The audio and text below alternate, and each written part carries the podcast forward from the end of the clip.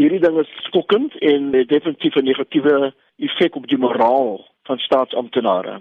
Die feit dat daar nou uh, om swaai is, want ons het die vraag gevra, waar gaan die geld vandaan kom om hierdie pakkette aan te bied? Wat van die skills tekort wat gaan ontstaan as sulke ervare staatsamptenare die diens moet verlaat? Waarvandaan gaan dit kom? Wie gaan die werk doen van persone wat die diens verlaat? En natuurlik wat het gebeur met die besparing wat teweeggebring was deur die 200 000 vakante poste wat nie gevul was nie as gevolg van die moratorium waarop geplaas was. Die omswaai wat hulle nou aanbied is vir ons 'n bewys dat hierdie besluite was goed gedeurdenk, die aankondigings nie. En aan die einde van die dag wil dit my voorkom asof hulle nou die pakket of die lekker papier rondom die pyn wil draai. Ons voel nog steeds onderstaan daarbey. Wie gaan betaal vir hierdie uh pakkette wat aangebied word?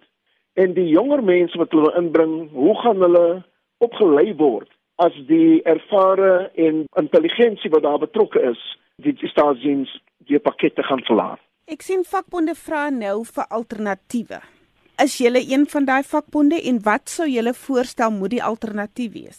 Ons vra eerstens dat sulke aankondigings nie gemaak moet word alvorens hulle met die verteenwoordigers van die werkers gepraat was nie. Aan die einde van die dag sal ons uitvind dat die belastingbetaler is ook hier betrokke.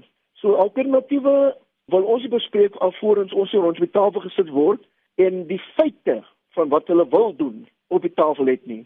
Op hierdie oomblik is dit bespiegelinge wat ons hoor deur die media. Ons het geen dokument ontvang, daar's geen uh, plan op die tafel nie en derhalwe voel ons dat voordat ons gaan praat of enigiets iets wil sê, sal ons hierdie ding verwerp totdat daar weer nodige respek getoon word om met die vakbonde in die PSBC te praat oor ons hierdie ding deeglik kan deurwerk. Omdat daar 'n moratorium is op poste, is daar drie mense by hospitale, by skole, in polisie, is daar een persoon wat drie, vier mense se werk doen. En uh, om nog te praat daarvan dat ons moet praat van 'n uh, werkskepping, privaat sektor kritiseer dat daar werk geskep moet word en dan sal ons op hierdie manier die staatsdiens verminder omdat ons in 'n ekonomiese krisis is, dink ek is vergaande. Ons wil byvoeg dat ons moet kom by die vraag of die antwoord, waar is ons en hoe het ons hier beland? Die ekonomiese krisis, is dit as gevolg van korrupsie?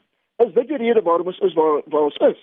En as dit so is, waarom moet die staatsamptenaar geteken word om die land uit hierdie ekonomiese toestand te haal? Staatsamptenare se pensioengeld word reeds belê en geneem sonder hulle toestemming. So eintlik moet ons hierdie mense medaljes gee in plaas daarvan te sê julle moet die staatsdiens verlaat, ons wil ons salaris van julle. Wat presies as ons prakties daarna kyk? Wat is die effek van vroeë aftrede byvoorbeeld op 'n pensionaris? Wel, as ons kyk na die pakkette wat reeds aangebied was in die onderwys, die effek wat daar nou is dat daar gesoek word vir onderwysers en dat te veel leerders is en nie genoeg onderwysers as gevolg van die die naderdraai van die pakket wat hulle aangebied het, dit is die resolusie 3 van 1996, dan kan mens sien wat die impak is.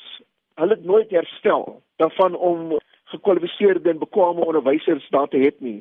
Die wat daar is, werk hulle rug af om by te hou by die aanvraag vir onderwys. En dit alles as gevolg van 'n 'n pakket wat aangebied was. Die impak wat dit gaan hê, is jammer om te sê, die lewe is so duur daar buite dat ons bekommerd is dat ons pensionaars wat op, op, op, op pakkette nog geneem aan die einde van die dag wou se sassa lêne gaan inval wanneer hy geld op is.